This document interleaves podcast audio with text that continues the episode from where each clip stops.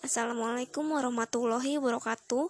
Perkenalkan nama saya Kiki Nur Safitri Azahra dengan NIM 2004463 dari Program Studi Pendidikan Kewarganegaraan Universitas Pendidikan Indonesia.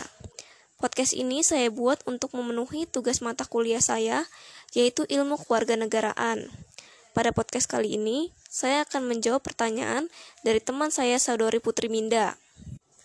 Beliau bertanya, tentang kelebihan dan kekurangan dari masing-masing metode yang digunakan dalam pembelajaran civic dan metode manakah yang paling ideal untuk digunakan. Seperti yang kita tahu, dalam pembelajaran civic digunakan dua metode. Yang pertama, metode fakulti psikologi, dan yang kedua, field psikologi. Kedua metode ini tentunya mempunyai kelebihan dan kekurangannya masing-masing. Yang pertama, saya akan membahas tentang kekurangan dan kelebihan dari metode fakulti psikologi. Kelebihannya adalah metode ini mudah dilakukan. Maksudnya, tidak perlu dengan persiapan yang matang untuk melakukannya. Yang kedua, metode ini tidak perlu mengeluarkan biaya yang mahal karena tidak menggunakan media dan peralatan.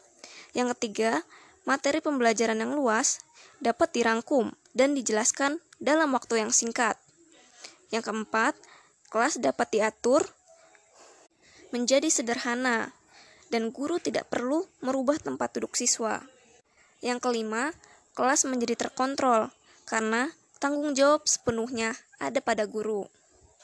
Kekurangannya adalah tidak adanya komunikasi dua arah, tidak ada kesempatan menilai, tidak ada kesempatan meneliti atau menyelidiki, dan yang terakhir, orang tidak akan menjadi baik hanya dengan dinasehati.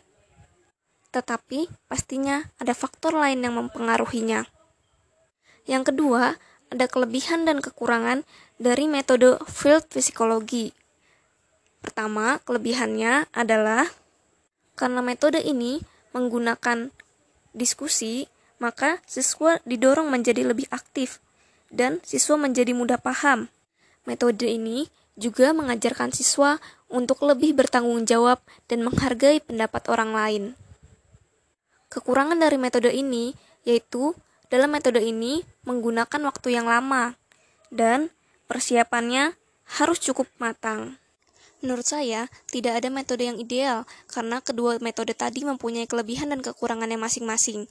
Tapi jika disuruh memilih metode mana yang lebih efektif untuk diterapkan, saya akan memilih metode field psikologi karena lebih sedikit mempunyai kekurangan. Sekian dari saya. Wassalamualaikum warahmatullahi wabarakatuh.